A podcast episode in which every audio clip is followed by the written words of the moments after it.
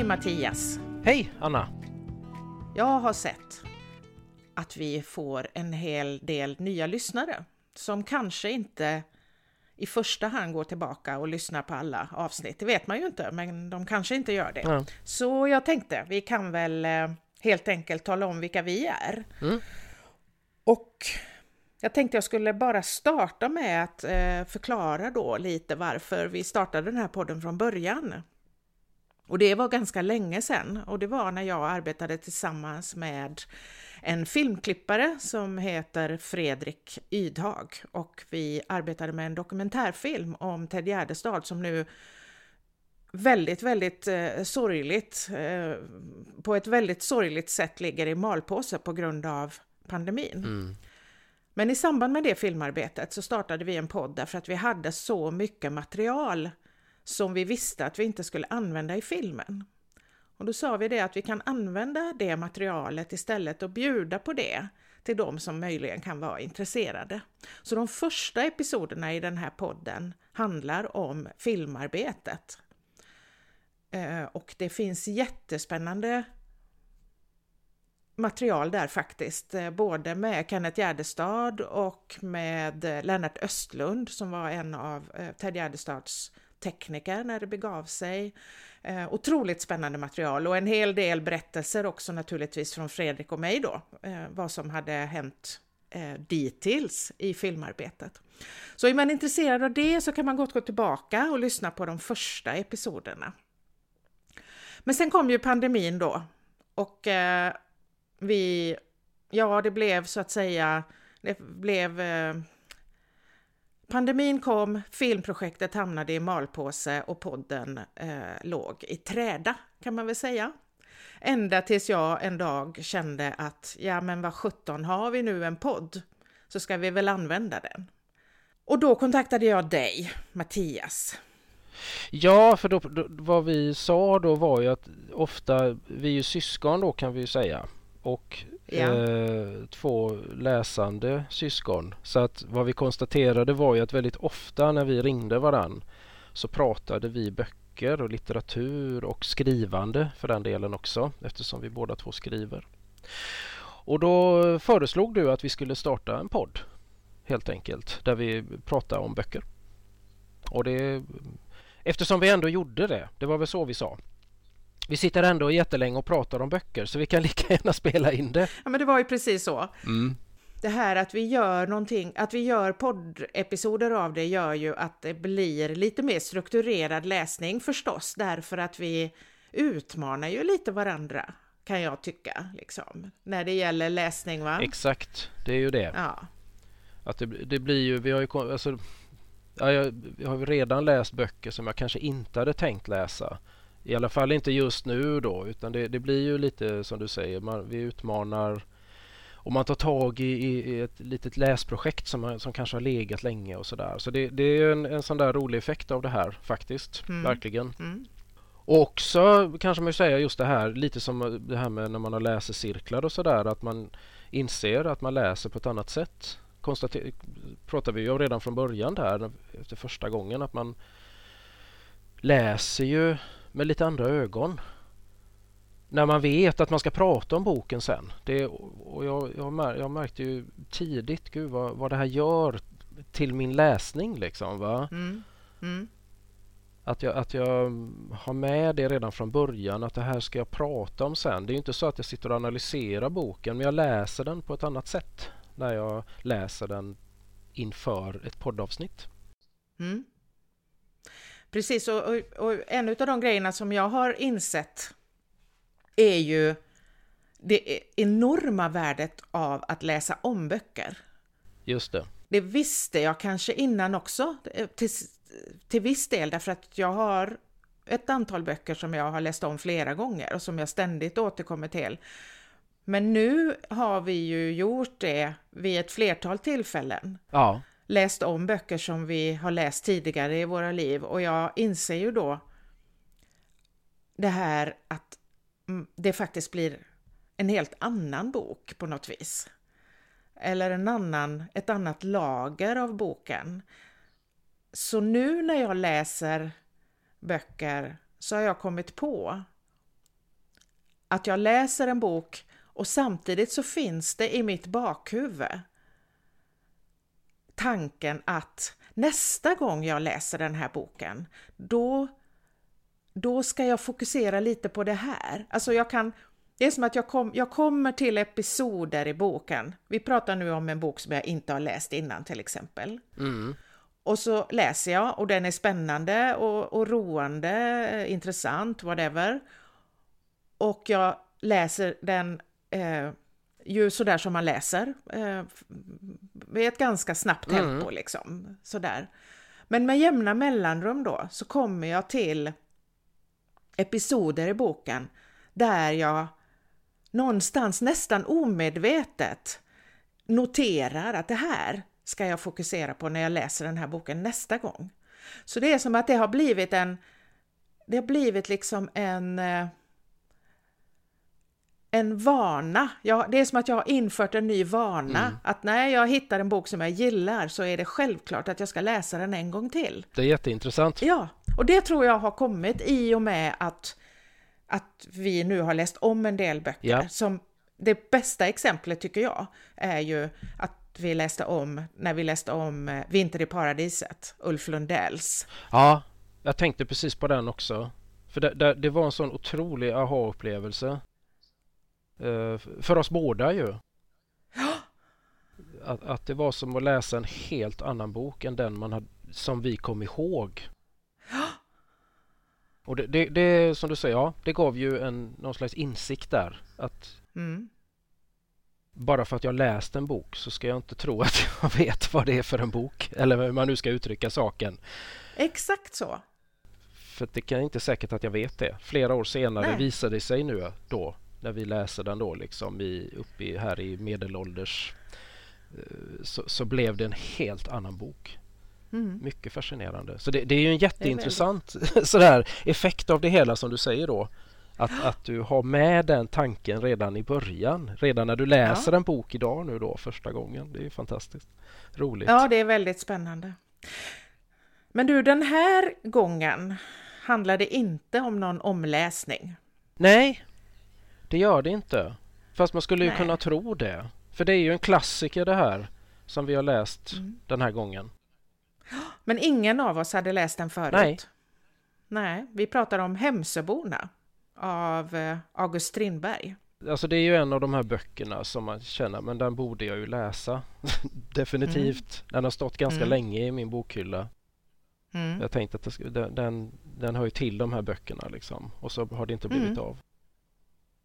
Vi hade den båda i våra bokhyllor, Exakt, eller hur? den stod där. Ja. Redo. Jag hade den också. Jag tror att min, mitt exemplar kommer ifrån eh, mormor och morfars bokhylla i Gula huset. Ja, just det. Är min, det. Och min var ett ex ur den här som jag tyckte var alldeles strålande för jag vet inte när detta var, det är länge sedan nu. Någon gång 2006-2007 så gjorde någon av kvällstidningarna gemensam sak med Bonniers och gav ut klassiker ah. eh, en dag i veckan. Jag tror det var på torsdagar. kunde man gå jag köper aldrig kvällstidningar, aldrig gjort det i mitt liv. Men det är enda perioden där jag faktiskt nästan varje torsdag då gick och köpte mig en kvällstidning för att jag skulle wow. då få köpa med den här boken till väldigt billigt pris. Och de var tvungna att köpa tidningen också. Men det var en lite sån där satsning som de hade just för att lyfta klassiker. Och det var, det var lite, vad ska man säga, det, var, det blev en väldigt fin samling tycker jag. Jag har inte riktigt hela, men eh, nästan hela.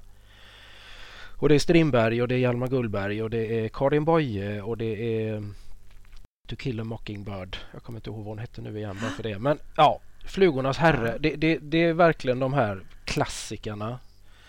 Uh, roligt. Och där ingick just eh, den här då Hemsöborna med Strindberg. Så jag tänkte jag tar den mm. så får jag kanske läsa den någon gång. Eh, fick jag inte förrän nu då.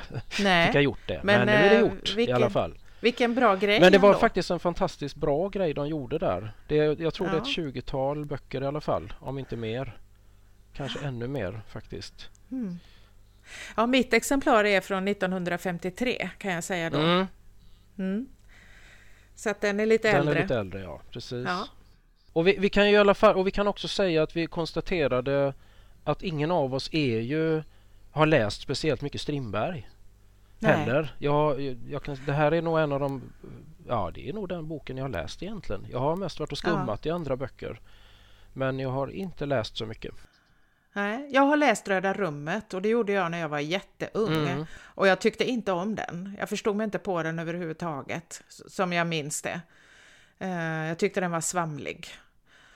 Eh, Sen vet jag att jag hade en period när jag var fascinerad av Strindbergs liv och det var i samband med att den här tv-serien gick med Tommy Berggren och ska vi se, Stina Ekblad. Jag har svaga minnen av denna serie. Men ja, det gjorde ju inte att jag läste mer Strindberg. Nej, Sen har jag en viss relation till det. Han har ju skrivit en bok som heter En dåres försvarstal. ja, just det. Mm, och den eh, eh, har jag en viss relation till på grund av att, att eh, eh, min exman, när han tyckte att jag svamlade, eh, så, så sa han ofta så här, mm, en klassiker, en dåres försvarstal. Okej. Det var inte elakt så, det var mer bara ett sånt där stående skämt. Som... Litet internt. Ja, men annars så, så, eh, nej, jag har inte läst, eh, vi har, vi har helt enkelt inte läst, vi har helt enkelt inte läst Strindberg särskilt mycket. Så är det. Nej. Så därför så vi kan liksom inte... Ingen av oss har riktigt någon relation till hans andra Nej. litteratur och, och vi kan inte riktigt relatera den här boken då till andra verk Nej. som han har skrivit. Mer än det lilla man vet om dem. Men Mm. som sagt, nu har vi inriktat oss på den här skärgårdshistorien som det ju är. Ja, då. Och vi kan väl för den som inte har läst eller sett den här, den har ju då filmatiserats också vid ett flertal tillfällen. Varav en av dem ligger på SVT Öppet arkiv som man kan titta Mm. på. Med Allan Edwall och Siv Rud i, i huvudrollen där.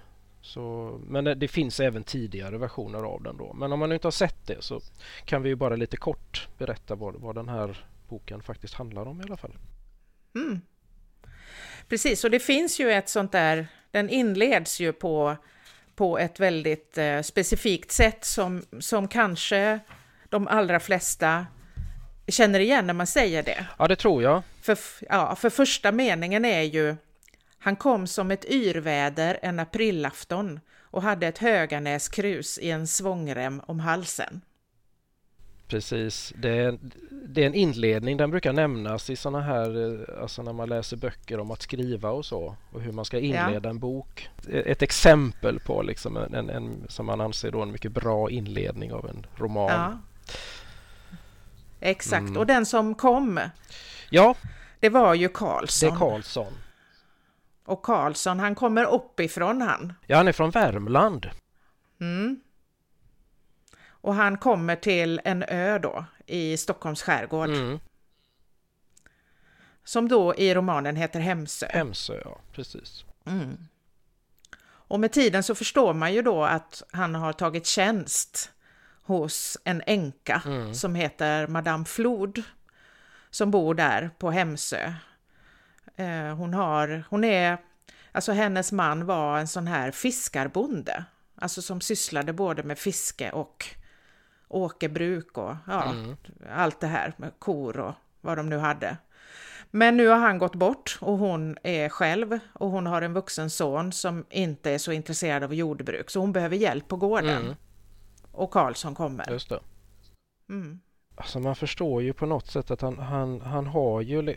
Jag vet inte om han har från början tanken att han ska ta över gården men han, han är ju väldigt snabb på att, att, att göra sig själv till eh, vilket också visar sig vara Madame Flods intention. Att han på något sätt ska basa över lantbruket, Mm. inte fisket. Och det, det säger han själv då liksom att det där kan jag Mm. ingenting om.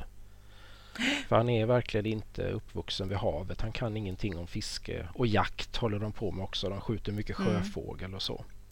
Utan han, hans, hans kunnande ligger ju verkligen i jordbruket då. Och där är han ju jättekunnig. Så han har ju någon slags intention sådär liksom att bli basen på något sätt liksom. Mm. Och väldigt Mm. tydligt och ganska snart så visar ju sig det här liksom. Hans, han sneglar där till den där låsta chiffonieren och funder, fantiserar lite om hur mycket pengar det möjligtvis kan finnas där i. Ja, om det är en precis. rik gård och han, eh, han eh, nosar lite på, på eh, gamle flodens kläder som hänger uppe i, i kammaren där han får sova. Och han säger ju ganska snabbt till Madame Flod där att när hon då har, har lite sådär nämnt för honom att, att han ja men att han lite ska basa eller att han liksom ska leda lite för det finns ingen här som leder, jag behöver någon som leder. Precis. Då kontrar ju han med att säga att ska jag vara för mer då måste jag sova på kammaren. Just det, för första natten får han sova tillsammans med de andra drängarna ja. och pigorna där på, han delar någon soffa där tillsammans med, mm. med en av de andra drängarna där. Mm, mm. Men det menar han ju på att det, det går inte. Och det, det, förstår ju hon också. Att då, då, då får han inte den eh, statusen så att säga. Liksom. Nej, nej, precis. Så han, blir, han får ju snabbt sin egen då, vinstkammaren. Mm. Och, och Gusten då heter sonen, den vuxne sonen och han är ju eh, ointresserad av eh, helt enkelt av lantbruket. Han vill bara fiska och, och, och jaga. Mm. mm så på något vis så, så, är det ju så då att, att Karlsson, han får ju fria händer får man ju säga när det gäller lantbruket. Yep. Han kan ju, han kan ju liksom, eh, han får ju igenom snabbt sina idéer där om hur man ska göra, att man måste, man måste göra sig av med, med hälften av korna eh, för att det går inte och man måste göra, ändra om i, i rutinerna kring lantbruket mm. för att, att det ska ge bättre skördar och och det visar ju sig att han vet vad han pratar om. Det blir ju bra. Han, han får ju igång hela lantbruket där. De gräver diken ja. och de köper in hö och de slaktar kossor och det, till slut mm. så har de ett, ett bra det tar ju liksom det tar det där året och sen kan de faktiskt bjuda till slotter. Ja. Och det är ju ett he helt och hållet då Karlssons verk det här att, att de, det, har, det, det har grott så vansinnigt bra på åkrarna att de får ha dit hela ön Mm. Eh, så som man gjorde förr då liksom och, och, och bjöd på slotter med allt vad det innebar då med mat och sådär då liksom. Och så, och så samtidigt då med allt detta, för det ger ju en bild av Karlsson som en, en erfaren, en kunnig, en ledare, eh, någon som vet vad han vill och, och ser till att komma dit och han arbetar hårt och, och sådär va. Ja. Och, och, och han eh, hittar ju, han ser ju också för, för, den här floden då, den döde mannen, han har ju då byggt ett, ett undantagshus som står tomt. Eh, och då, eh, det där hittar ju Karlsson och inser ju att här kan man ju ta hit sommargäster. Det här blir ju toppen mm. och han gör ju det. Han får ju till det också. Det kommer en, en familj från stan, en eh, musikprofessor med fru och barn mm. och, och tjänstefolk då som hyr eh, det här huset då. Alltså det, det är ju väldigt, så här långt då så är, är ju Karlsson en, han är ju en klippa han styr ju upp alltihop egentligen. Han, han, får fart på jordbruket. Han ser till då att den här stugan eller det här huset inte står tomt. Dessutom så, så är han lite fräck där och påstår att, att, att det är andra som har eh, varit spekulanter där så han trissar ju upp priset för den här stackars professorn då. Som, men, men han betalar ju glatt där. Samtidigt som, som man får den här bilden av Karlsson så får man ju samtidigt då en bild av en ganska ja, vad ska jag säga, ganska löjlig figur. En barnslig och naiv och, och, och det, det som ja, centrum i det blir är ju lite att han förälskar sig i den här i den här pigan, i, alltså sommargästernas piga, mm. Ida. Och han är ju, jag menar Karlsson är, jag tror, jag kommer inte riktigt ihåg, men han ska väl vara någonstans i, säg 35-40 års åldern i alla fall. För Madame Flod är ju äldre då. Eh, hon, hon är kanske någonstans över 55 i alla fall, för han, hon är äldre än honom. Börjar väl närma sig 60. Jag är osäker på det därför att hon hon kommer ju sen, hon föder ju ett barn, så hon, hon kan ju bli gravid. Så jag har tänkt att hon nog kanske inte är mer än 45-50. Nej, nej, men, det kanske är så. Ja, men hon är i alla fall äldre, väldigt tydligt äldre. Och den här pigan då som vi pratar om, hon är ju, hon är, det är ju en ung tjej det här liksom. Som, som han då kär, kärar ner sig och han blir ju upp över öronen förtjust i den här och förälskad ja. då.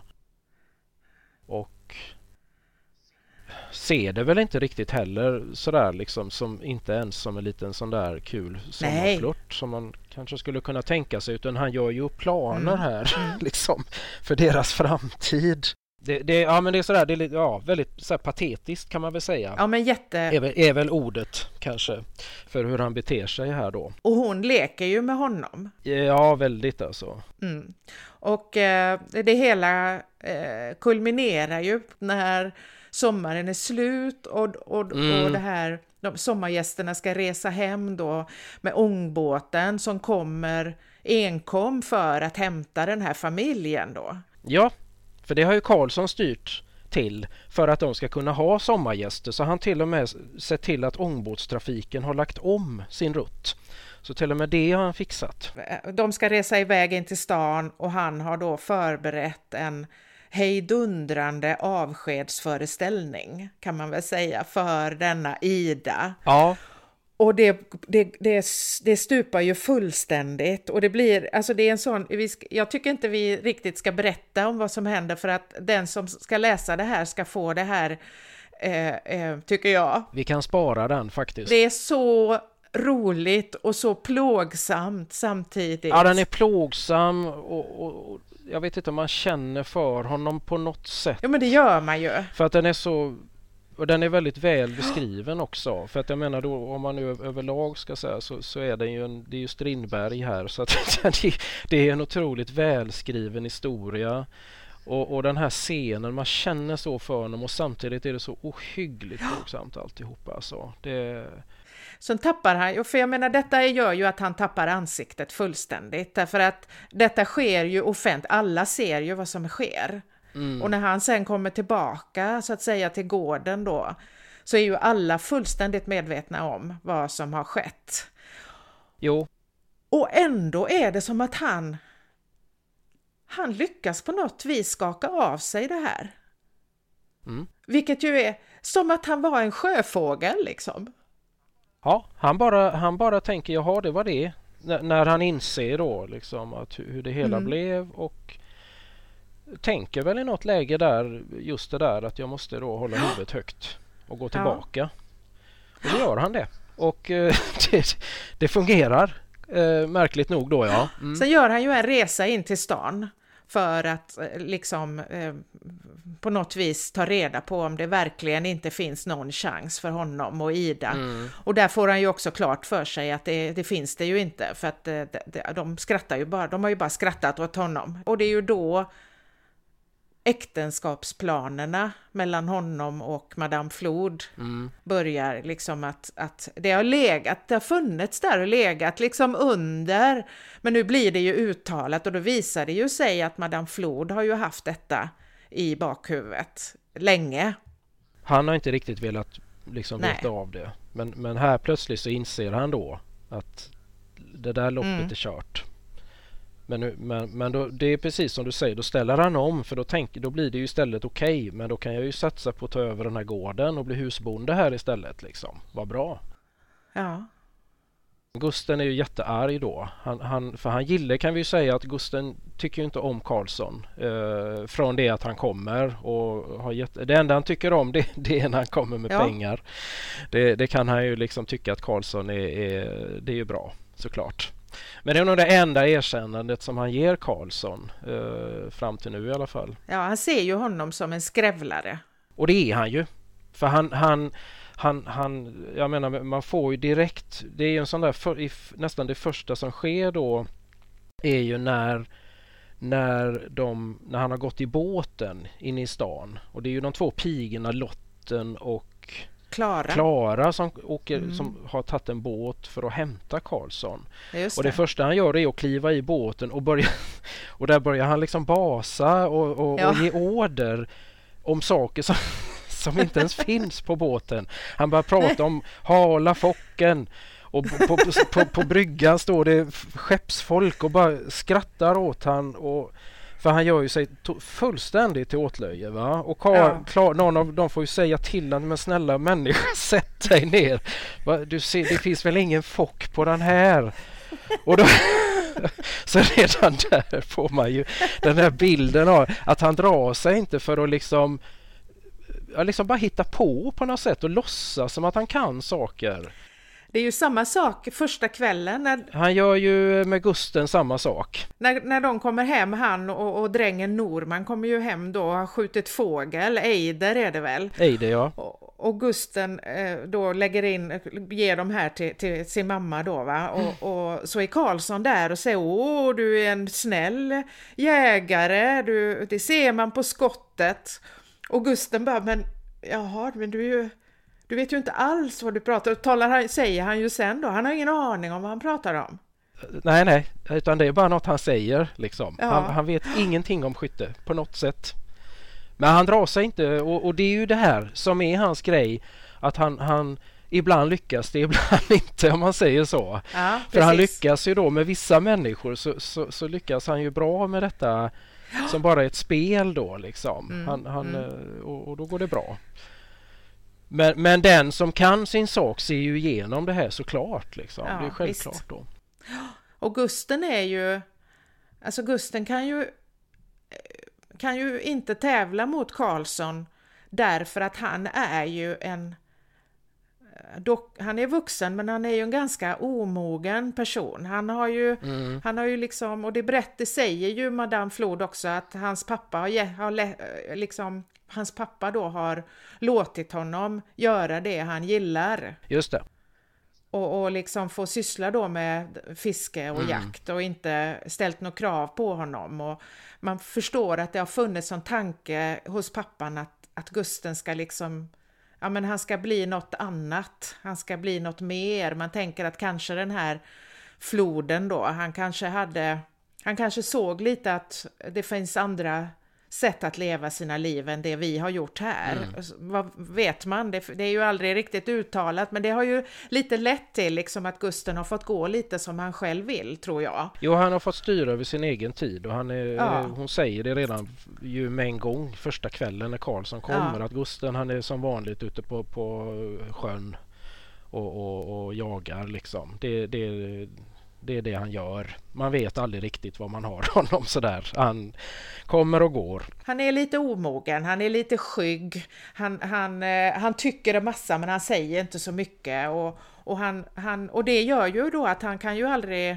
han kan ju aldrig ta upp någon tävlan gentemot Karlsson utan han kan ju bara tycka i tysthet och, och liksom ge, gå undan. Exakt. Men, men, eh, och, men det han gör faktiskt är ju att han, han, han, eh, han tar ju reda på Karlssons bakgrund. När han får reda på att det ska bli, att de har tänkt sig giftermål, Just det. så tar han ju reda på Karlsson och så visar det sig att Karlsson har en brokig bakgrund och att han har varit i slagsmål någon gång och att han har varit fast för polisen och det, ja. Mm. Och då lämnar han in någonting som i boken kallas för stämning så att de får ju vänta ett antal månader Mm. innan de kan få, få tillåtelse att ta ut lysning och, och, och sådär då. Ehm, men det blir ju till slut ändå, ändå då eh, bröllop. Och, och, och det är ju också en, det är ju en av, eh, är ju en av berättelsens eh, mest färgstarka eh, delar är ju Ja. detta bröllopet, för där finns ju allt verkligen. Alltså det, det här är, det är så roligt då när man läser den här boken för jag, dels tänkte jag ju ganska tidigt i boken så fick jag den där känslan av att det här är ju verkligen Strindberg på gott humör. för att den, Ja, den är så...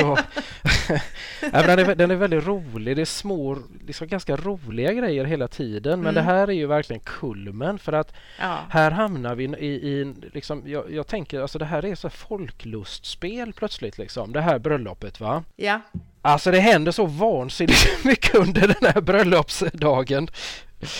Augusten ska ju inte vara där först. Nej, han ska inte vara där. Nej. Så han, och, och sen så, så han ger sig ut och där råkar han träffa på pastorn då. Ja, de möts ute på en holme där ute, i, ute vid Mm. havet. Och pastorn säger då att nej men det är klart att du ska vara med, du måste vara med. Du, du, men, men du kan ju komma sent. Du kan komma efter vigseln. Så säger han.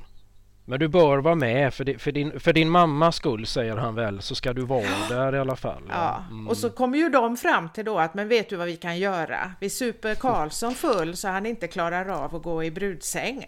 Just det, så, så är planen. Men, men då har ju samtidigt Karlsson i sitt stilla sinne verkar det som.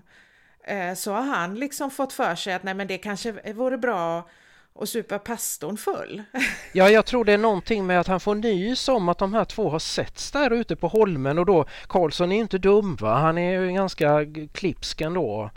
Eh, så att han räknar ju snabbt ut att här är något lurt på gång. Varför har de suttit där ute och kuckelurat ute på en holme? här är någonting. Och då börjar han intrigera istället tillsammans med, med de andra på, på gården där ja. Och den här eh också någon, någon eh, bonde där. Gud, nu tappar jag bort namnet här. Rapp va? Rapp heter han ja.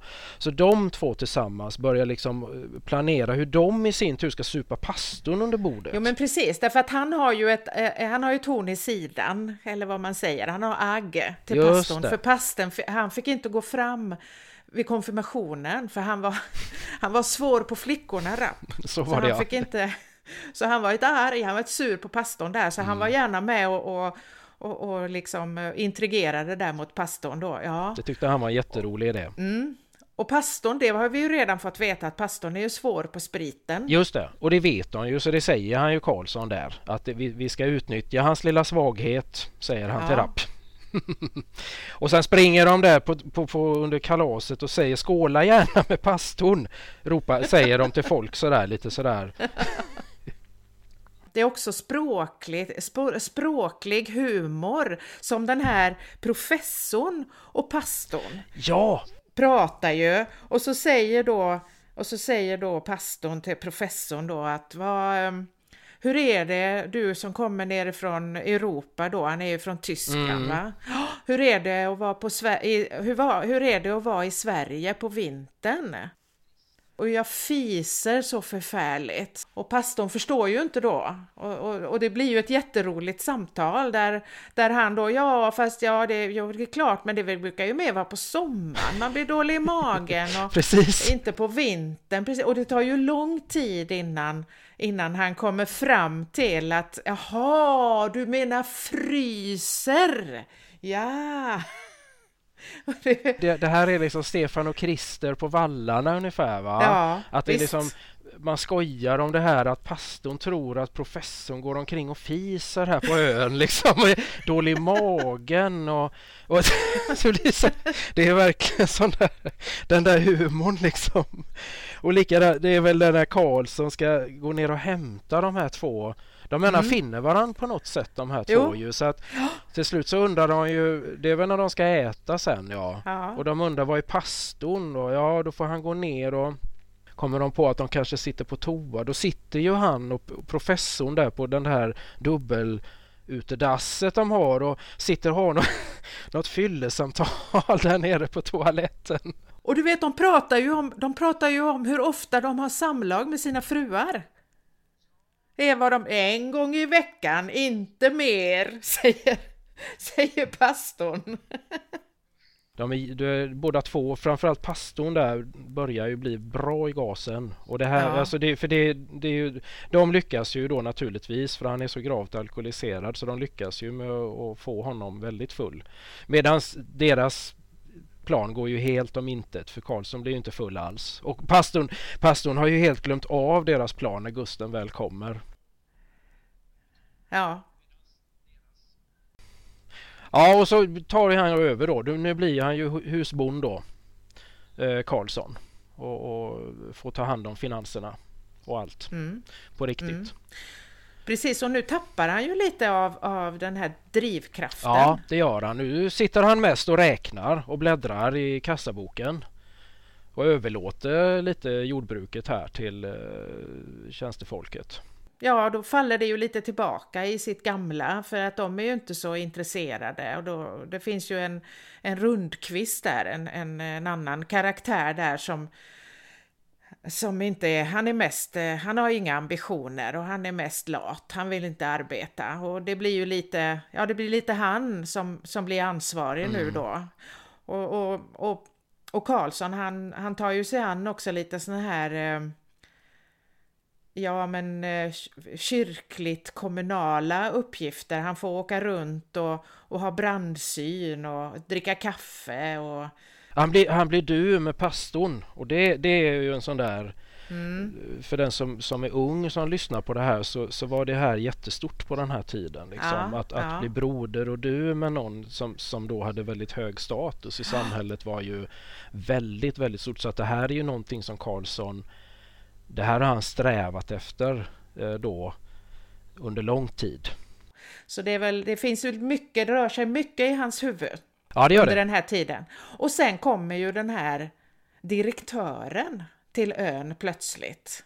Det är väl professorn tror jag som kommer och säger det är en man här som vill tala med, med Karlsson. Ja, stämmer. Och då visar det sig att det finns en idé då om att en liten holme då som hör till den här, den hör till Madame Flod och Karlssons ägor och den vill den här direktören köpa. Mm. För att man ska utvinna fältspat på den här lilla holmen då. Och då är det också en sån där rolig pengahistoria därför att han vet ju inte riktigt hur han ska ta sig till eller hur han ska tänka när det gäller, för han tänker att den där holmen kan väl inte vara värd något. Just det. Och så går han tillbaka och pratar med Madame Flod och Gusten och de säger ja men kanske 500 mm. skulle du kunna be om. Och så går han tillbaka och så säger han 5.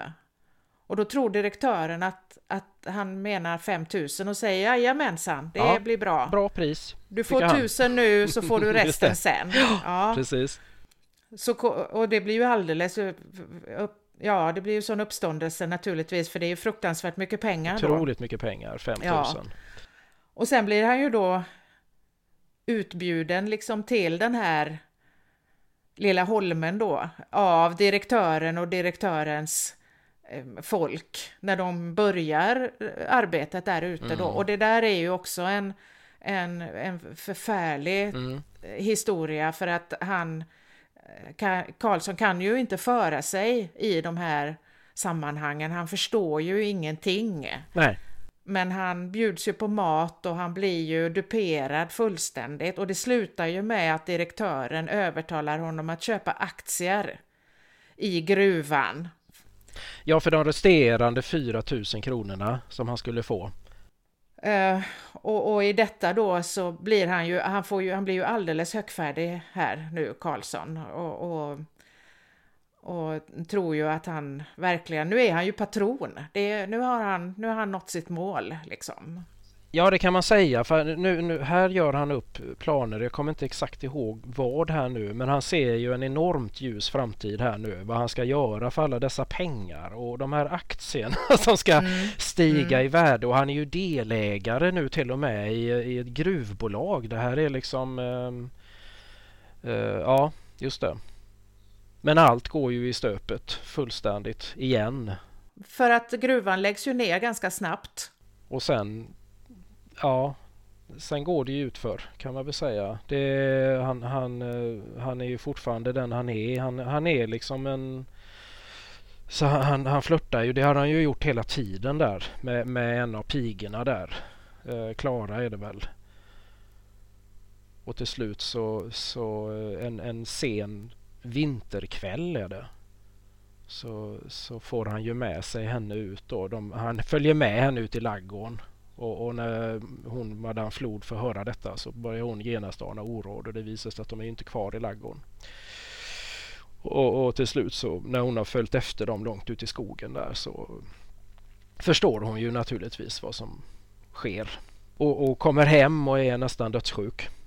Ja, hon blir ju sjuk efter det det går fort liksom. Hon hamnar i säng och hon inser ju själv ganska snart att nu, jag kommer inte upp igen, nu är det slut.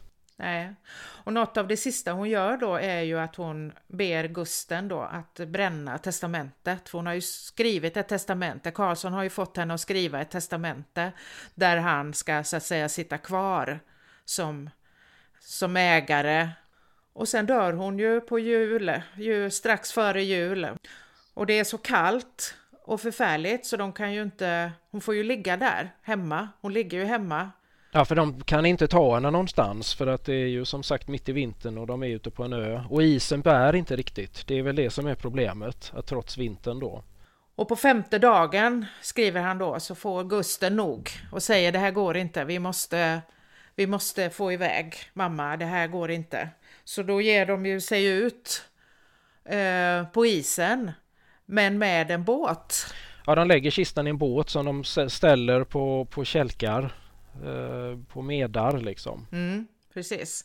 Så det är Karlsson och Gusten och sen är det de två drängarna då, Rundqvist och, och Norman, den här andra drängen då. Men det går ju inte så bra där ute på isen för att det är ju inte riktigt den bär ju inte och det vakar och de ska över och nu, oj, nu måste vi ta båten här, nu måste vi ha i båten och så ska de ha i båten och det bär ju sig inte bättre än att båten vickar och kistan far, far av och ner och sjunker. Så hon blir ju begravd där ute till havs då? Och samtidigt då så blir det ju så kommer det ju en storm. Och här blir ju här blir ju rollerna helt ombytta för plötsligt är ju Gusten den som han som är hemma och som vet och, och medans Karlsson är ju helt lost där ute på isen och jätterädd och förstår mm. inte uh, hur han ska göra och ber om hjälp och Gusten säger ju vad han kan. Han säger det här, vi, vi måste gå den här vägen och vi måste snabba på och Ja, och Karlsson klarar ju inte det så han blir ju, han försvinner ju helt enkelt. Medan Gusten tar ju sig i land hos prästen visar det ju sig då. Och så blir det ju en väldigt, väldigt fin faktiskt jordfästning eller vad man ska kalla det för då. De, det är ju söndag och, och... Ja, de avstyr ju uh, gudstjänsten då va och säger att vi, vi ska åka ut och, och hämta Rundqvist och, och Norman här. De sitter ute på en holme här ute. Mm. Och där sen håller ju han en begravningsakt eh, då, pastorn, ute på klippan där ja. Eh, han håller ett fantastiskt fint tal där.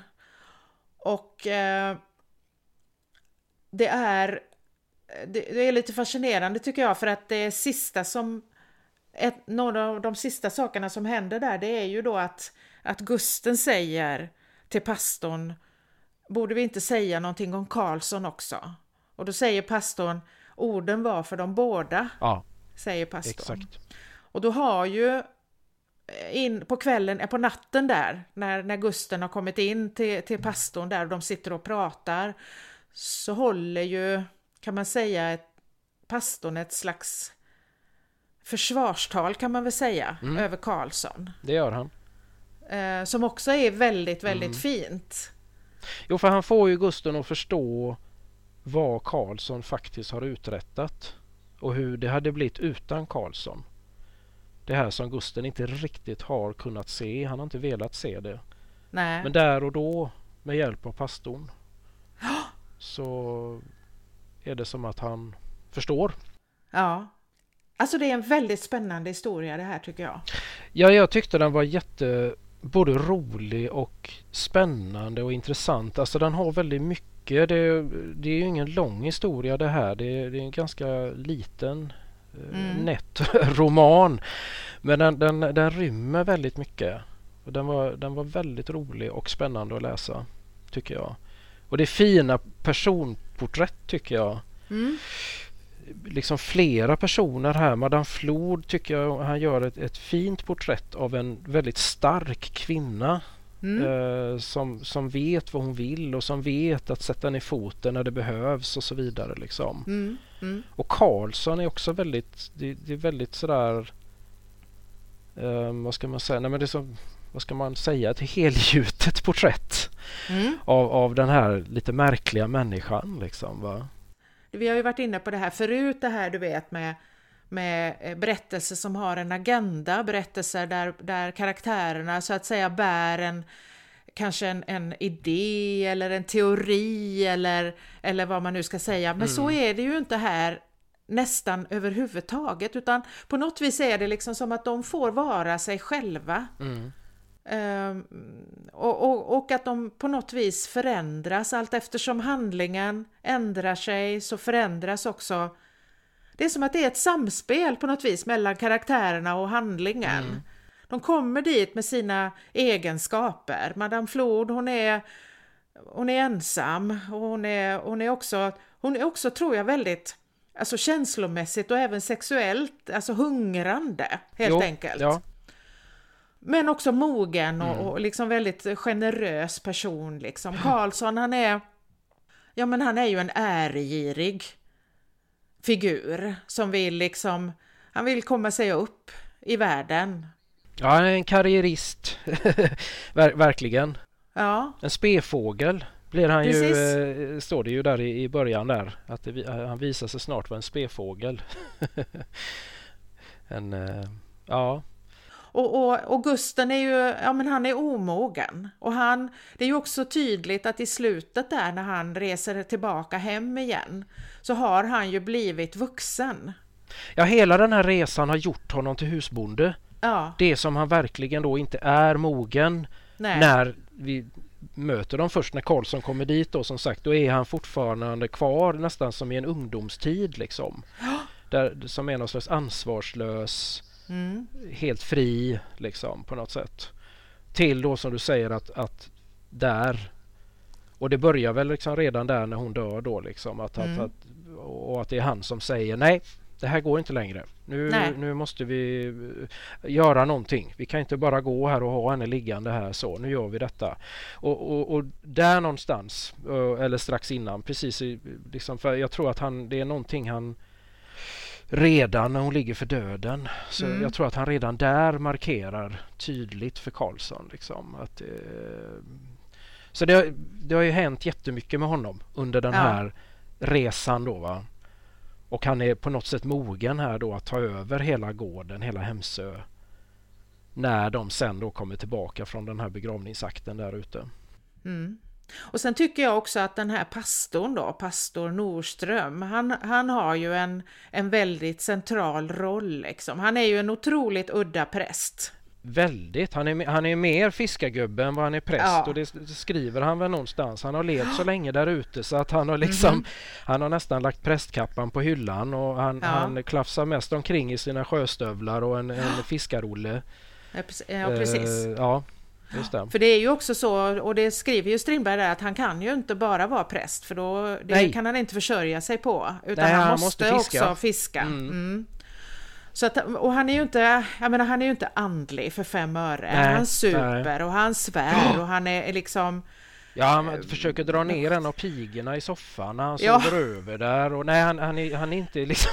Han är inget, inget dygdemönster skulle Nej. man väl kanske säga. Utan Nej. snarare tvärtom.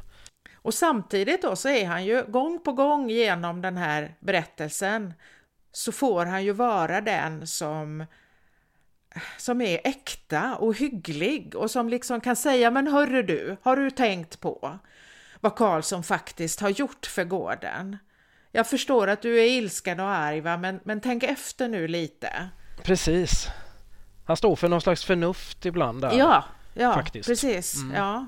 Och, och jag läste faktiskt här en, eh, jag har läst en avhandling då eh, om den här berättelsen. Den Mm. heter Strindbergs Hemsöborna, skriven av en Lars Dahlbäck 1974 och han skriver här då att han skriver här att, att, han, han, alltså att Strindberg under den här perioden i Strindbergs liv så var Strindberg själv ganska, eh, alltså han, han, ja men han började luta lite grann åt ateismen va, han var rätt, eh, han hade inga höga tankar om, om religiositet och, och kyrklighet och präster och så vidare va.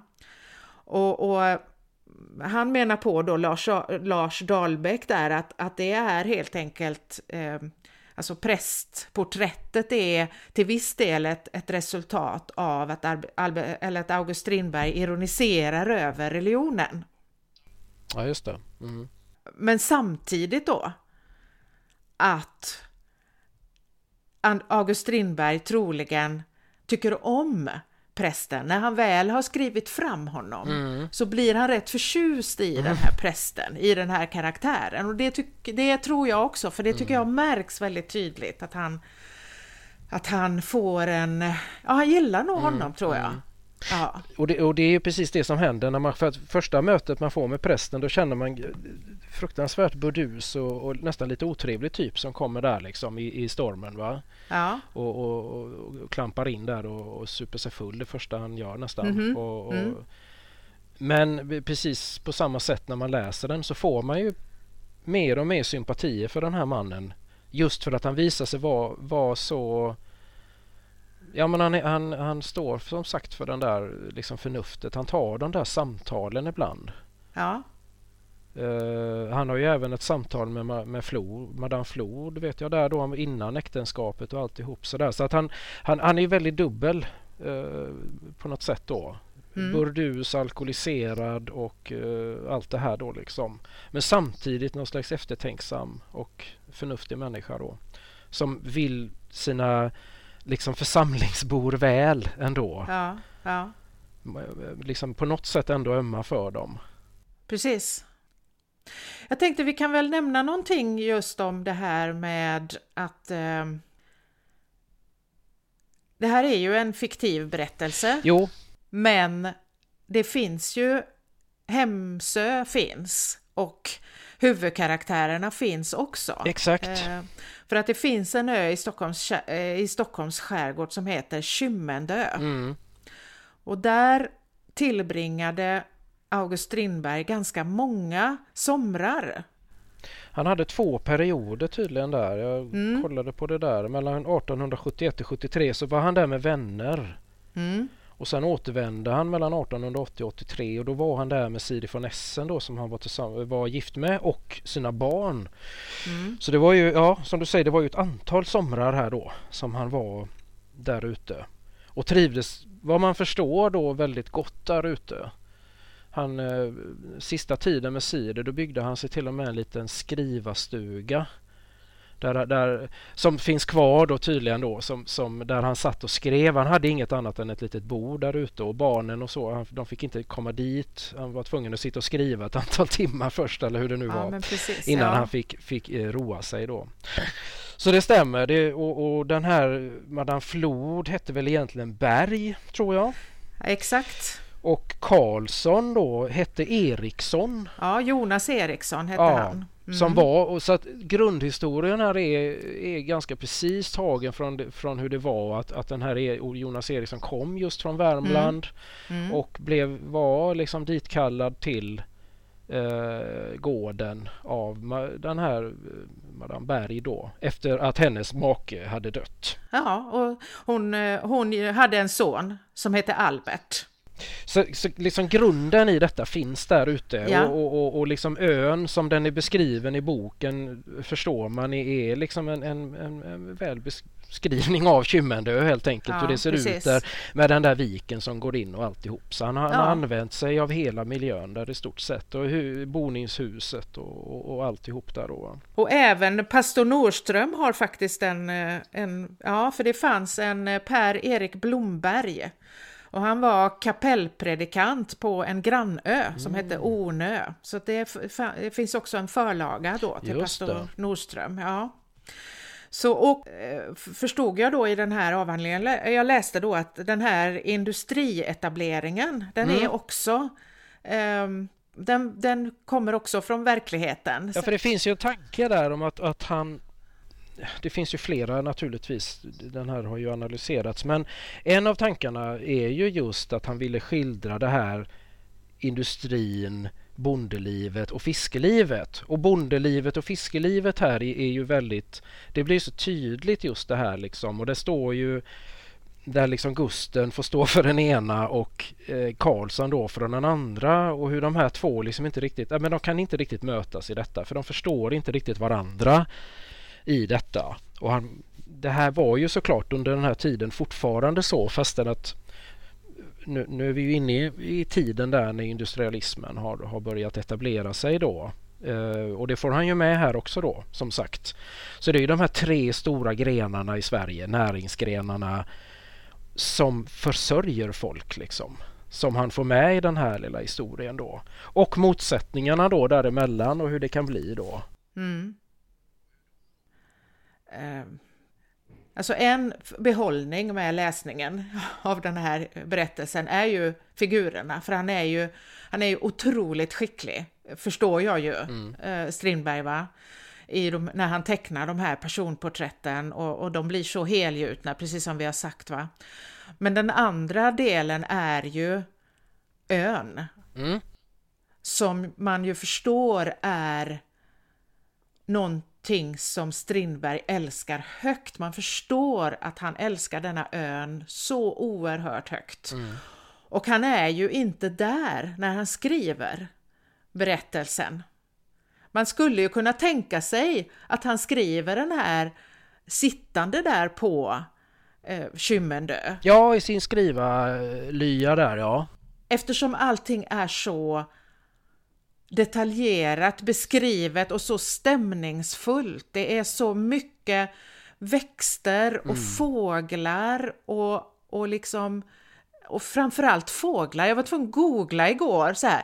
Strindberg och fåglar, vad är det med Strindberg och fåglar tänkte jag. Jag hittade inget just sådär men jag tänker att det fanns, för det är så mycket fåglar. Mm. Deras läten och, och, och, hur de ser ut och när de kommer och var de sitter någonstans. Och, så det känns ju som att man är där. Ja, man får väldigt stark eh, liksom närvaro på något sätt och det, det, är det här han gör att han liksom använder sig då som du säger av, av, av, av fåglarna, naturen och också det här liksom eh, jag tittar lite på såna här grejer som, som alltså såna här fiskeredskap då. Mm. Och han, alltså han räknar ju upp en, en, en ganska mycket sånt här och det, det, är sånt här som har imponerat då. Det, man blir imponerad för han sitter alltså i, i, vad är det någonstans, han sitter i Linda och i Bayern och skriver det här va.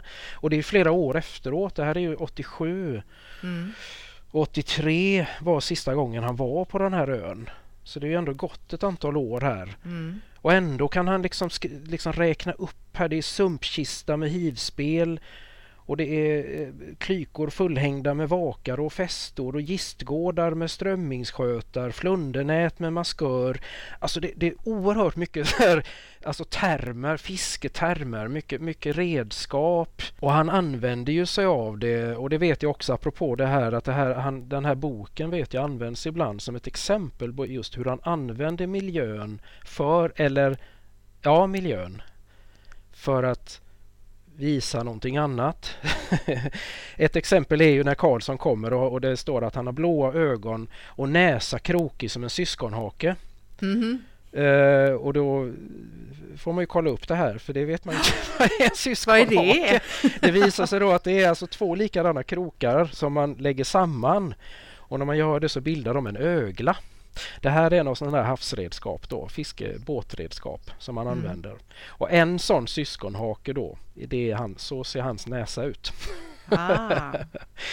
Och vad är det, det var någon tänk, som jag hittade till här. Jo, drängen då står det Karlsson då satt och rullade mössan och passade på vindkasten hur han skulle ställa sina segel. Och det här är alltså en, en scen när de sitter inne i stugan och han ska fundera på hur han ska prata med Madame Flod. Mm. Och hur han använder sig av det här båtlivet då i liksom sin gestaltning av hur de agerar eller hur de ser ut och sådär va. Mm. En annan är ju den här, det var en rygg Ryggåsstuga som såg ut som en skuta med kölen i vädret flytande på lasten. Det är sådär klassiskt, har jag för mig, jag har dykt på den förr. Att han tar liksom en båt, vänder på den och på det viset så får han med dels hur stugan ser ut men också själva båten då. Att, att vi, vi, han får in miljön där liksom. Och det, han gör det här ganska mycket i den här boken då. Han utnyttjar miljön på ett sätt liksom.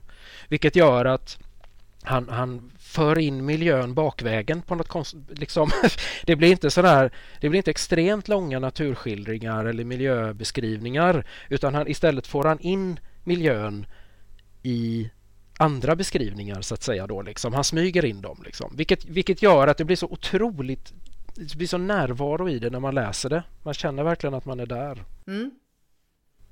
För jag tänkte på det med alla de här då med, med de här gistgårdar och, och flundernät med maskör och så tänker jag att för vi pratade någon gång innan här när vi, när vi pratade första gången, eh, bara jag och du, ja. så sa vi just att mycket av det här som han räknar upp här, det är sånt som jag har ju inte heller en aning om Nej. vad det är och en del kan man ju slå upp men man kan också bara läsa vidare och tänka att det, det här är ju fiskeredskap så långt förstår jag ju va. Mm. Och vad som är häftigt med detta är ju just det att du hamnar ju som läsare i Karlssons situation. För han står lika frågan. Han vet ju inte heller. Han vet inte heller vad det här är va? och det vet inte jag heller. Vilket gör att jag, jag, jag liksom, det blir en, en liksom sådär någon att jag får, jag får ikläda mig Karlssons kläder Ja. och vara där i den här okända miljön då. Exakt. Nej, det, är, det är som du säger, det, det är väldigt, väldigt skickligt gjort på det viset. Jätte, fantastiskt bra. Ja. Och vissa grejer, jag, jag hade ju en uppslagsbok här och synonymlexikon och, och, och lite sånt just för, för att det var ganska mycket som, nej, oj det här vet jag inte, men precis som du säger, det är bara ibland. För emellanåt så va, spelar det ingen roll. Nej, nej, tänker man, det är, det är väl, det är sånt där. Ja, det är något. Du vet, jag kan se framför mig precis så som det kan se ut när man kommer ut i en skärgårdsö, som, ja du vet, att, att det, är en sån, det är en vägg, en, en trävägg och där hänger det massa grejer. Och jag förstår att det har med fiske att göra, men eftersom jag inte håller på med fiske så vet jag inte exakt hur man använder dem. Men jag, jag anar ju att ja, det är nät och det är såna här bojar och det är Mm. grejer. Ja, okej, men det är, jag behöver inte veta mer än så. Det är okej liksom. Exakt, för jag förstår sammanhanget ändå Mm. och det är det som händer här att jag måste inte sitta och slå upp alla de här orden för att jag, det ger mig bara en, en väldigt tydlig och färgstark bild av vad, vad Karlsson möts av här liksom när han går ner till båtarna då. Precis. Så Strindberg han satt alltså då i, i Bayern och skrev det här och, och det gjorde han ju. Eh, han var, det var ju, vi kan väl säga någonting om hans läge, varför var han där? Ja, jag tänker det, för det är lite intressant för att han hade, han hade ju jag, jag försökte kolla lite grann. Det var väl så att, att framförallt romanen Giftas, tror jag, hade liksom skapat väldigt mycket eh, rabalder i Sverige. Jag tror faktiskt att det började redan med Röda rummet. Var det Röda rummet redan? Han hade liksom bok för bok skrivit sig omöjlig i Sverige. Ja, retat upp eh, både hovet och eh, folk i allmänhet. ja, Han hade jag, jag var tvungen att alldeles nyss, nu var jag tvungen att kolla upp vad var det i den där gifta som var så för där blev han ju till och med åt eller han, det blev väl aldrig något åtal men han var i alla fall, eh, eh vad heter det, anklagad då.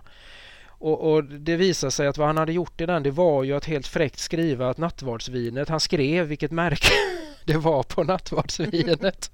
och att oblatbrödet var ju, var ju bara eh, tunna skivor bakade av det där bageriet och så ger han någon namn då liksom. Och det här var ju liksom Mm.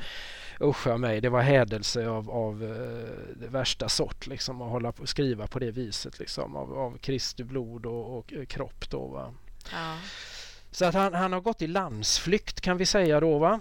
Eh, August Strindberg, han kan liksom helt enkelt inte bo kvar i Sverige. Nej, och, och han, han, eh, han, är, han har ju då, det är ju Bonniers är ju hans förlag då och, och han, eh, han har brevkontakt då med Albert Bonnier. Se- Senare har han ju brevkontakt med, med Otto Bonnier då. Men Ja, när det, när det skär sig med Albert också.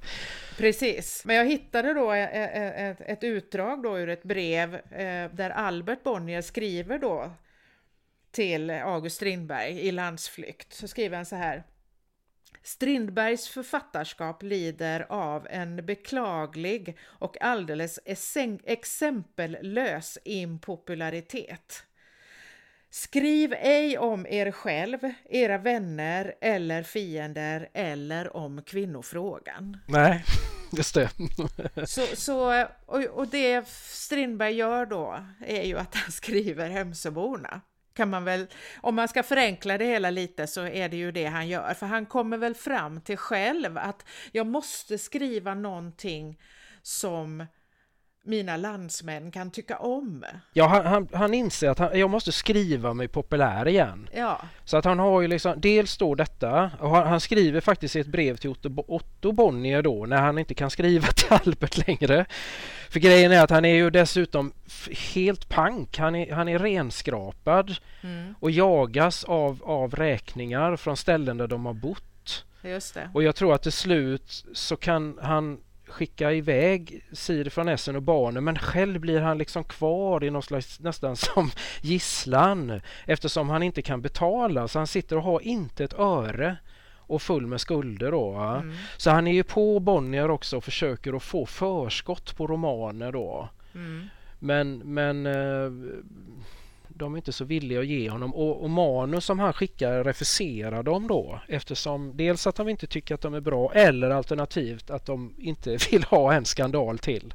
Nej. Då. Så han skriver faktiskt 87 skriver han att och då, då på den tiden då hette den här romanen På landet hette arbetsnamnet då. Och då skriver han På landet ämnat att bli en glad svensk bok utan åtalbarhet. Det är hans plan. Så att, och det, det, det, återkommer han till sen. Det är någon annan gång när han skriver någonting om att han vill skriva en bok då på landet och så han satt inom, inom parentes rolig. står det inom parentes. Att han har liksom bestämt sig för att det här ska bli en rolig bok. ja, underbart. Så då skriv, då, och då, då, så att han behöver skriva sig populär, han behöver skriva för att han behöver helt enkelt skriva en bok som, som säljer. Ja. En, ett, ett, ett det, det, är rent krast så liksom. Mm. Och där någonstans när han sitter där så kommer han att tänka på sina minnen då från Kymmendö. Ja. Uh, när, man, när man det finns en dokumentär ju som vi har sett som ligger på Youtube mm.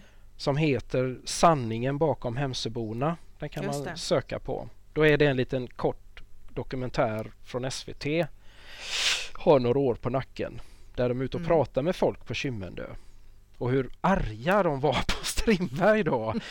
eh, för de pratar ju då med släktingarna till den här Madame Berg och sonen och allt det här liksom. Och de var ju fruktansvärt upprörda ja. över den här nidbilden som de tyckte att han hade skrivit då i Hemsöborna. De som hade tagit emot han så under så många år mm. och så gör han på detta viset då. Mm. Uh, och jag och du pratade ju lite grann om detta för vi tänkte det, det är så många år efteråt och de, de får det att låta lite som att han var där i avsikt att samla stoff. Ja. För att sen skriva den här romanen. Ja.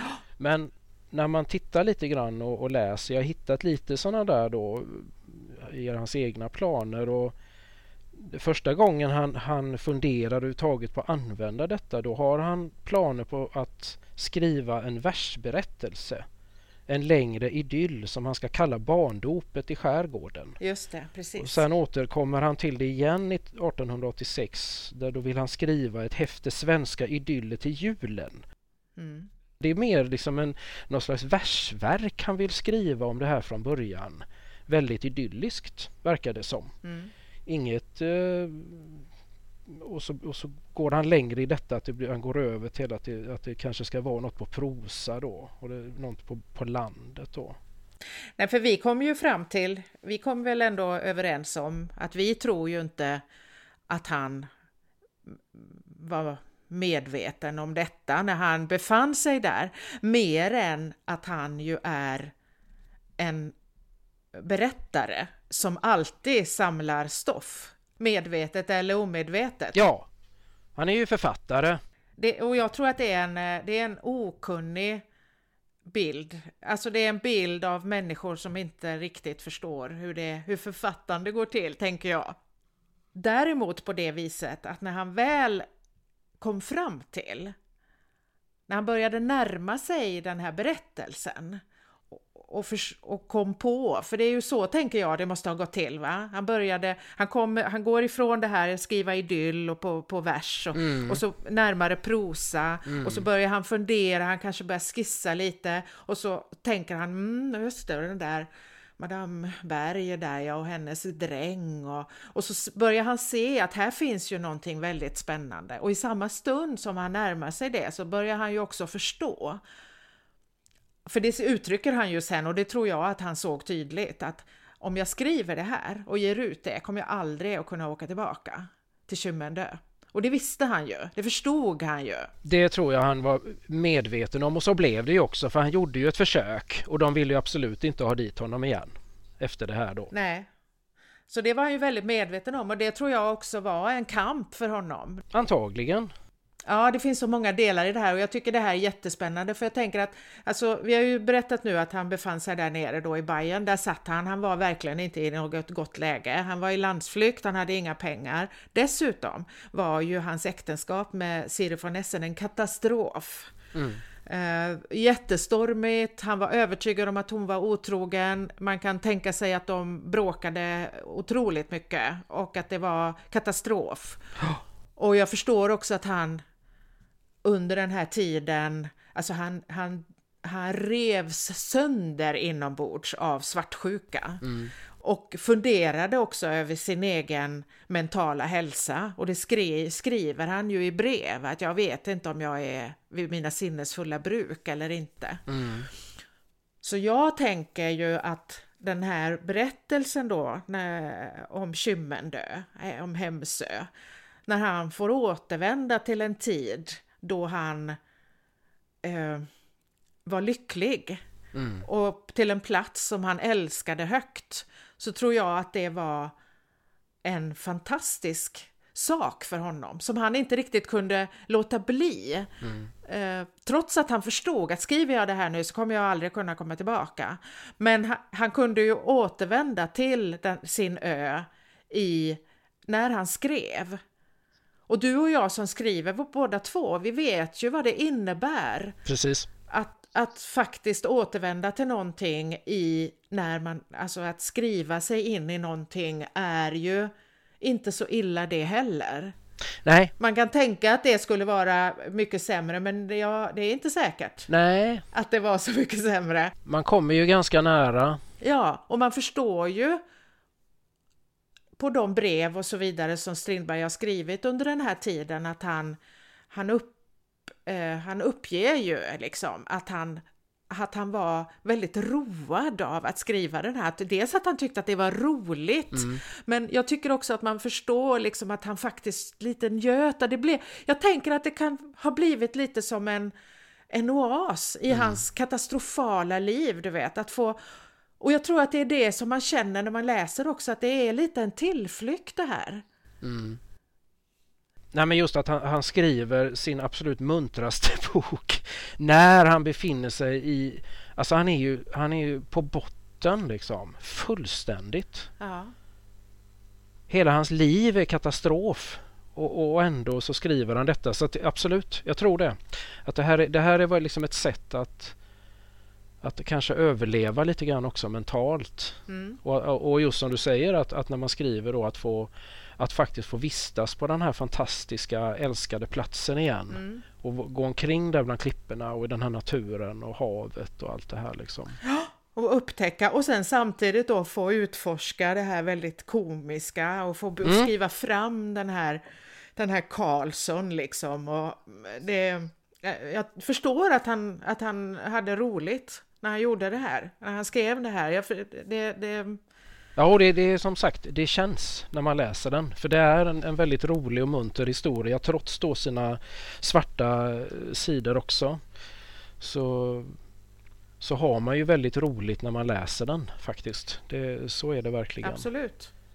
Han hade, en, en, han hade ju en tanke till som jag dök på här ju, som jag tyckte var rolig och det var ju det här att han har en idé och den känns som att han har gått i burit ett tag. Han brottas ju, förstår jag, eh, med den här med romanformen. Mm. Han, är, han, han gillar den inte riktigt. Han tycker romanformen den är på väg att dö, tycker han. Den, den, den, den, den kommer att dö. Mm. Han tror ju på det självbiografiska. Ja, det är hans eh, någon slags vision här om att, att det är det som kommer bli litteratur sen. Liksom. Mm. Men här har han ju då någon slags idé som, som han verkar ha innan han börjar skriva kanske till och med.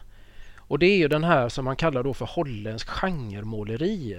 Just det. Att han, han, för han skriver någonstans då till Bonnier att att de här tavlorna då, holländsk genremåleri, de beundras på Nationalmuseum. Varför skulle man inte kunna föra in det här i litteraturen då? Det, så här har han liksom en, en, en, idé om en roman som han på något sätt vill förverkliga. Mm. Och för den som inte är så bevandrad i konsthistorien så är ju det här en genre där man i Belgien och Holland på 1600-talet då började måla Eh, vanligt folk. Folklivs, eh, folklivsskildringar kan vi kalla det. För att, och det var inte så vanligt, eller det fanns ju inte egentligen innan den här tiden.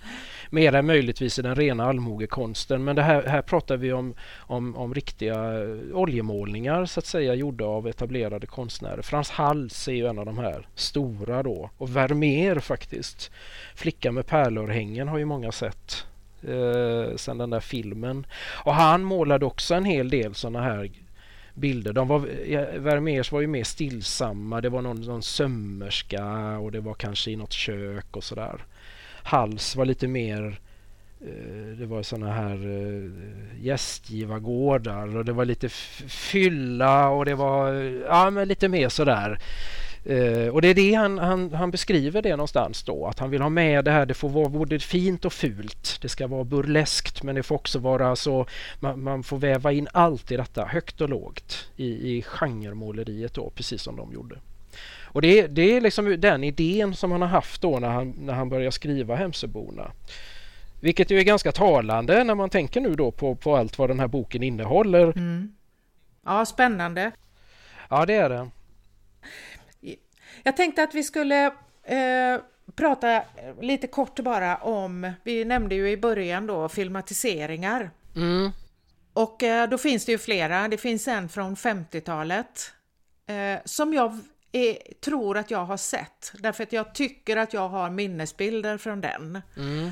Men jag har inte kunnat hitta den nu så att det går att se den, så att eh, därför så vet jag inte. Men däremot så har vi ju sett nu då den som väl kom på när var det? Jag tror att det var slutet av 60, början av 70. Ja, men vi rör oss där omkring i alla fall. Mm. Mm. Och den har ju både du och jag sett om nu. Just det. Och jag vet också att jag, har, hade, jag hade sett den redan tidigare och jag vet inte riktigt när, men jag, jag skulle kunna tänka mig att jag såg den kanske när den kom. Jag kanske såg den på 70-talet det, det, vi konstaterar ju båda två att när man börjar läsa den här boken då så börjar direkt dök Allan Edwall och Sivrut upp som de här karaktärerna då. Det var de jag kunde komma ihåg i alla fall. Allan Edwall spelar ju då Karlsson och Sivrud spelar eh, Madame Flod. Och, och, Det var då jag tänkte att nej, men om den ligger ute, det är lika bra att titta på den. För att jag, jag ser ju dem ändå här liksom. Dessutom var det ju spännande och naturligtvis, det är alltid roligt att se en filmatisering av en bok som man läser. Och se vad det är de har tagit med och inte och sådär. Och, då. Mm. Och sen är det ju Sven Wollter, det kommer inte jag ihåg, så det blev jag jätteförvånad över. Men det är Sven Wollter som är Gusten då. Just det. Precis. Och resten är, är ju för den tiden liksom allihop, ja kanske inte pigorna men för övrigt är det ju stora liksom kända skådisar. Ja, pastorn är ju Edvin Adolfsson. Fantastisk pastor! Han gör det så bra. det kan, kan som klippt och skuren för den rollen. Alltså. Ja. Alltså. Det är nästan som man tänker att Strindberg hade honom i tankarna. Ja, faktiskt. Vilket han naturligtvis inte kunde ha. Men... Nej, men man skulle kunna tänka Man skulle nästan kunna tro det, för att han, han, det är som att det är han. Men den här filmatiseringen är ju väldigt, väldigt trogen boken. Ja. De har tagit bort några grejer. Bland annat är den, hela den här gruvhistorien är, finns ju inte med. Men annars så är det den väldigt, väldigt trogen. Och, eh, och, och eh, jag tycker ju att den ger en eh, extra dimension mm. till boken. Ja, det alltså de här två att läsa boken och titta på den serien är, är jättebra. Därför att eh, ja. det ger liksom, det är som att de eh, det är som att de lite befruktar varandra kan jag tycka. Jag tyckte nog eh. också det. Jag tyckte de kompletterade varandra på något sätt. Sen hade vi ju roligt då åt Karlsson och det var ju lite lustigt för vi kom ju på det. Vi, vi hade ju reagerat på exakt samma sätt båda två nu när vi såg den denna gången. Mm. Och det var ju att äh, här kommer, här kommer då Karlsson och så möter man honom där. Han ska i båten och så tänker man ja, det är ju Emils pappa. Ja. Jätteroligt! För det är nästan samma karaktär som han ja. spelar. Det är nästan så att han har tagit... Nu har jag inte kollat upp det här men jag tror, om jag får gissa en sån där kvalificerad gissning så tror jag ju att, att eh, de här Emil-filmerna kom efter denna. Ja. Man får ju känslan av att han tog den här karaktären, Karlsson, när han skulle liksom gå in i, i Anton-rollen. Ja. Och det känns som att han nästan har tagit honom rakt av. Alltså det är fruktansvärt roligt. Han är, han är lite argare som, som Anton såklart. Han, han får ju inte de här utbrotten då när han är Karlsson. Men han har till och med samma dialekt. Konstaterar vi ju.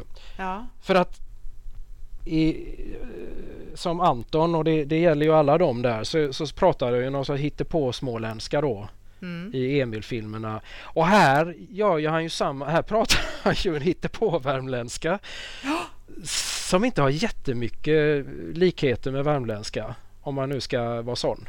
Nej. Eh, Det är någon slags eh, jag vet inte vad man ska kalla det. Det är någon slags dialekt bara. Jag vet inte vad det är. Med ingredienser bara av Mm. lite värmländska och lite småländska. Mm. Och det roliga är att när jag lyssnar nu, om jag tittar på den här filmen och så lyssnar jag på Karlsson. Mm. Så tänker jag att men det är väl precis så här Anton pratar i Emil. Ja. Är det inte exakt samma dialekt? Mm. Jag tror att det nästan är det Ja, faktiskt. För, ja, för, och jag, jag, jag, jag, blev jätteförvirrad för jag tänkte så, men vänta nu va, det är ju små, han pratar ju småländska där i Emil-filmerna, eller? Eller gör han inte det? Och jag tror att en av sakerna, för jag funderade lite på det och då inser jag liksom att värmländskan har ju inom vissa delar av Värmland så har de det här med änden en E, köre. Mm.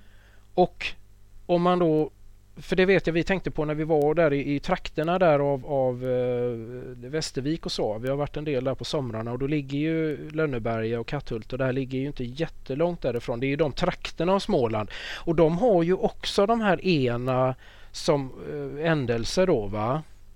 Köre och, och, och titta fast de har mer, mer Västervik dialekt då. Ja. Och då tänkte jag det här känns som att här har man liksom tagit den här, åh, en möjlighet att liksom använda sig av exakt samma hittepå-dialekt. För båda två gör det här liksom. Ja, det, det, det är lustigt alltså för att jag tror inte egentligen om jag skulle titta på den så skulle jag ju aldrig gissa att Karlsson är från Karlstad faktiskt. Nej. För det hör man inte. Det, det är vissa grejer och det är sånt som Strindberg redan i boken har skrivit. Han, han, han, Karlsson han säger inte smörgås, han säger smargås med A. Mm. Smargås. Och, det, så, han säger ju det på ett speciellt sätt då. Mm. Jag tycker liksom att i, i både i boken och i, i den här filmatiseringen så får jag liksom en känsla av att det eh, ö, befolkningen, Mm. de pratar på ett sätt och Karlsson pratar på ett annat sätt. Och, och det, är, det är liksom, sen är det inte så noga hur, Nej, det är bara annorlunda. och jag tänker att det kanske var så han tänkte, det räcker så. Mm.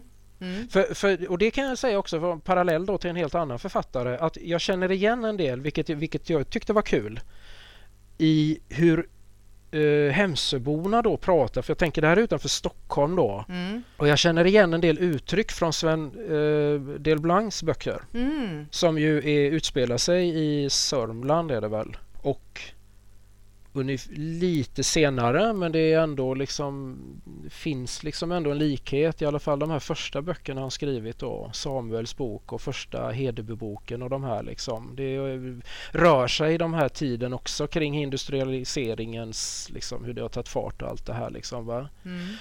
Eh, Så det var lite kul. Så att de, så att jag, jag, jag vet inte om jag det fanns likheter där liksom i dialekten. Men som du säger, Karlsson har en annan dialekt. Och han kanske tänkte att det räcker så liksom. Och det gör det ju faktiskt när man läser. Det är ju inget annat som är sådär jätteviktigt att han just är från Värmland. Det är inget liksom, det spelar inte så stor roll liksom egentligen då va. Nej. Eh, och han verkar vara lite kringflackande människa dessutom. Så han har nog verkar bott lite överallt. Men, eh, men jag kan i alla fall rekommendera den där filmatiseringen för den som är nyfiken. För den, den ger faktiskt en, en, en... Ja men jag tycker att den kompletterar boken.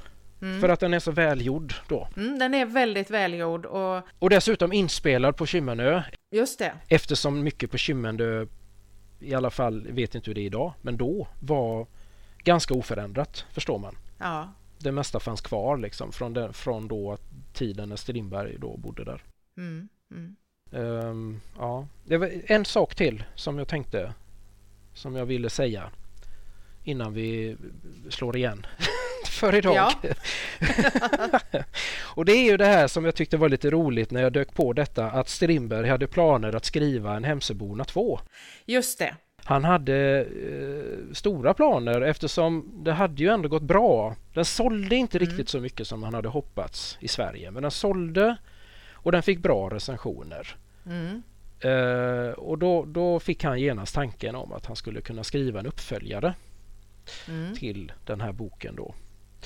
Uh, och det är ju lite intressant då faktiskt när man läser. Det finns, jag hittade faktiskt ett, ett utkast här till första kapitlet mm. i, i uh, Hemsöborna 2. Och den tar ju precis vid då när Gusten och de kommer hem då från uh, Holmen de har haft sin begravningsakten där ute. De kommer hem. Eh, det börjar bli sent. Det mörknar. Gusten och, och, och Norberg och, och Rundqvist de sitter där inne liksom och de tar sig en sup som vanligt. Och Gusten tycker sig höra någonting men samtidigt har det varit så mycket död och grejer och Rundqvist är ju den han är så de börjar liksom nästan skoja lite om spöken och grejer och gengångare och allt vad det är liksom där i mörkret då. Men Gusten är, är helt klar över att han hör någonting så till slut när han tittar ner då så ser han någon tända sin pipa nere i visen.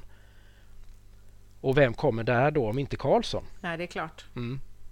Så, en, så där hade han någon slags plan då på att Karlsson skulle ändå ha klarat sig där ute på isen och kommer tillbaka. Mm. Och sen gör han upp en lista här. Ganska rolig faktiskt tycker jag.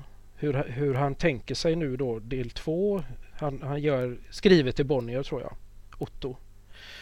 Där, eh, det ska innehålla då Karlssons nya gifte. Det ska vara med otrohet såklart barnamord, arrende, ejderjakt, barnuppfostringshjälp och gurgel. Okej. Okay. Studenter som knasar pigorna, ambulatorisk folk, folkskola etc. Men det låter ju jättespännande. Vad synd att han inte skrev den. Han gjorde inte det och det här tycker jag är så roligt då. För när man liksom läser om detta och hans brev och allt det här. Det, jag tycker det här är så tydligt då apropå det här med att skriva. För att anledningen till att han inte genomförde detta så som han hade tänkt det var det att han tappade intresset. Mm. Och han skriver då i någon slags uppgivenhet då till om det är brodern eller om det är till Bonnier att det går inte, jag kan inte. Jag kan inte skriva. Han hade egentligen redan uppslaget. Alltså egentligen var det ju bara att fortsätta. Och han hade ju hela det här liksom som han hade tänkt sig då va. Ja, ja. Men det går inte. Han kan inte det tar stopp. För att han, han, han, har, han har inte samma intresse nu då för den här historien riktigt liksom. Och, och alltså det är ju så här, när man, jag vet inte men när man själv skriver, jag, jag känner ju igen mig så i detta. Ja. Att man kan ju sitta på en historia som verkar så bra. Mm. Och jag vet precis nu vad som ska hända här och det bara går inte. Nej. Är du rörläggare så, så lägger du rör oavsett intresse så att säga. va? Du behöver ju inte vara intresserad av ditt liksom... Rörläggeriet.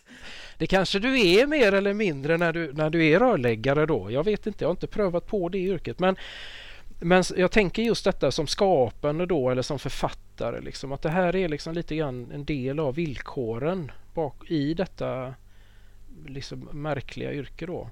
Mm. Det är ju det här som man funderat lite grann på tycker jag när man ser eh, um, lång, alltså bokserier, långa, alltså med många...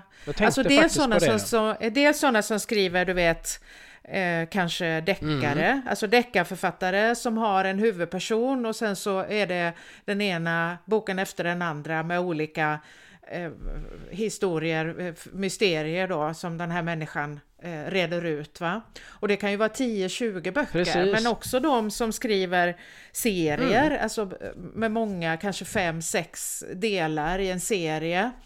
Och jag har alltid funderat över hur i hela världen bär de sig åt mm. för att inte tappa intresset för sin...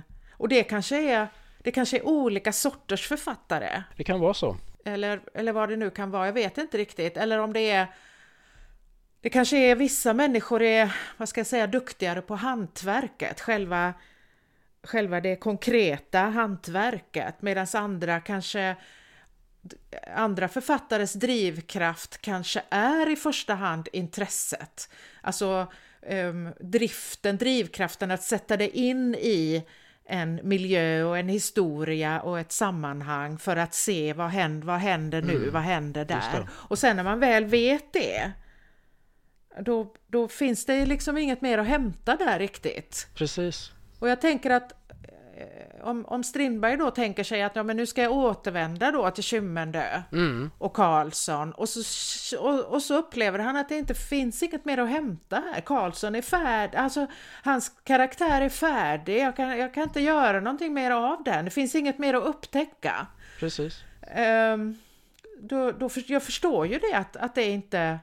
Men jag, jag är väldigt jag är väldigt eh, nyfiken på hur, vad är det som gör att, att vissa kan och inte andra? Nej, jag har haft liknande tankar här i, i med detta för att jag, jag, jag tycker jag känner igen mig väldigt väl i detta. Mm. Som han beskriver. Att, att ja, men precis så. Det är ju färdigt liksom. Jag, det finns ju inget mer. Ja, jag kan ju skriva om det. Men hur, ska, hur i hela fridens dag ska jag finna intresse i det? Nej. När, när allt redan är... är de, de, de finns ju redan där som sagt. Liksom. Och vad är, det då, vad, vad, är det då vissa författare hittar som gör att man kan liksom fortsätta bok efter bok efter bok? Ja. Med då något intresse måste det ju finnas. Annars tänker jag det är omöjligt att skriva så att något intresse mm. måste man ju då hitta liksom i att fortsätta skriva samma personligheter, samma karaktärer. Liksom. Kanske till och med samma miljö, vilket ju är fallet i många. Att de till och med befinner sig i samma stad eller de är på Gotland jämt eller något sånt där. Alltså, nej, det, det är jättefascinerande detta. Uh, jo, men det är verkligen. ju det. Och jag, jag, för att jag kommer att tänka på lite grann, eh, dra paralleller då till eftersom jag har ju jobbat som journalist, jag mm, gör det fortfarande mm. till viss del. Och jag vet att när jag var alldeles ny då, eh, nyutbildad och kom till min första redaktion så vet jag liksom att jag, jag hade lite problem med att mina texter, mina reportage tog väldigt lång tid. Jag tog väldigt lång tid på mig. Aha. Och då hade jag ju äldre kollegor och chefer och sådär som sa till mig att du måste lära dig att skriva standard 1A-artiklar. Som, där, du, som du, behöver, där du inte behöver du behöver inte tänka så mycket, du behöver inte tänka efter så mycket, utan du, du, du åker ut eller du ringer och du tar hem din information och sen så skriver du. Mm. Du svarar du på de här fem klassiska frågorna, du vet, var och vad och vem och hur och varför liksom. Och när du har gjort det så är det färdigt och det tar 30 minuter och sen skickar du in det och så är det bra.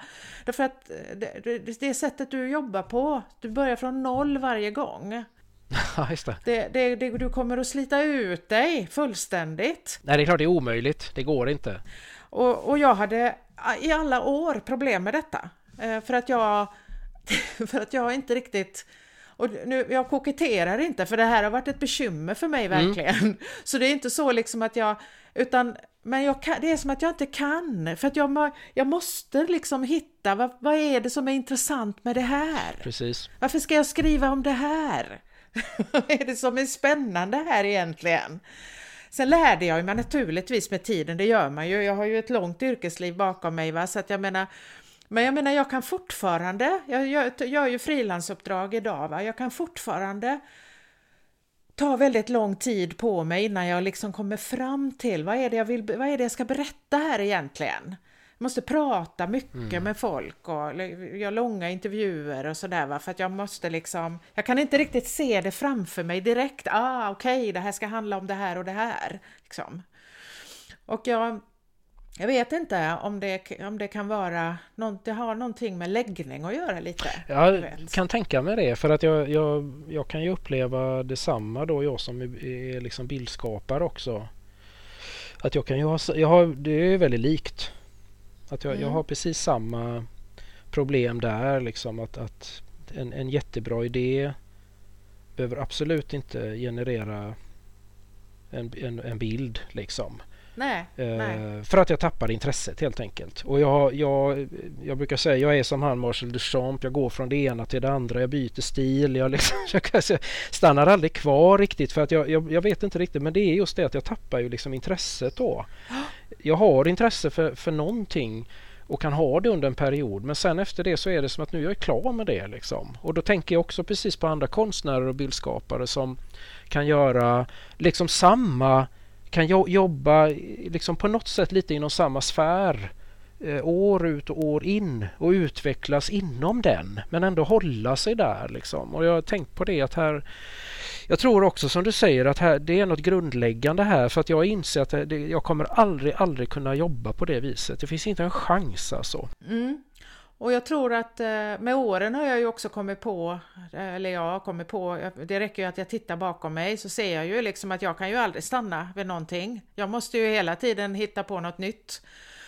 Och jag ledsnar och jag, det är tråkigt och jag, det, finns inget, eh, det, finns, nej, det finns inget kvar att hämta där. Nu har jag gjort det här, nu vill jag göra något annat. Och, och det är klart att det är, en, det är ju en läggningsfråga som ju spiller över på allting och att jag kan inte, jag kan inte gräva ner mig i Alltså du vet det här, ja, men då gräver jag djupare och djupare och jag förstår ju att det, att, att det finns en vinst i det och att det finns någonting, men jag kan inte det, det är omöjligt. Det, det går liksom inte.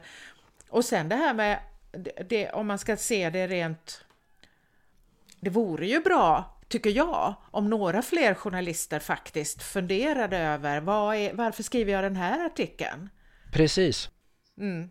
Jag ska bara säga då att det, det, hela, vad det blev av det hela var ju den här ytterligare en bok då som ibland publiceras. Jag hittade en faktiskt igår här där de publicerar båda i en och samma bok. Och den, den fick ju namnet Skärkarsliv, heter den då.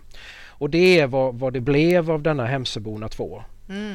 Och där i, jag, jag hann skumma lite grann igår kväll här och det, det, det, är inte mycket av karaktären eller så som dyker upp där utan det, det, är mest att det är i den här miljön då liksom. Men är det som noveller eller? Det är noveller. Spännande, men du, vi, eh, vi får väl eh, Ja men alltså det är ju som, som alltid då um, uh, har jag insett att det blir när vi gör det här så rekommenderar ju vi alltid boken som vi har läst uh, utan undantag. ja, det, jag tror, ja faktiskt. så är det. På ett eller annat sätt så kan man ju alltid konstatera mm. men den är värd att läsa. Det, så ja. är det. Men den här kan jag verkligen varmt rekommendera, det måste jag säga. Det för det här, det, här var, det här var en riktigt rolig och intressant läsupplevelse. Yes. Men nu tror jag vi har sagt vad vi kunde säga om Hemsöborna. Ja, jag tror också det. Ja. Du, eh, tack för idag. Ja, tack själv. Och hej då allihopa. Hej då, så ses vi.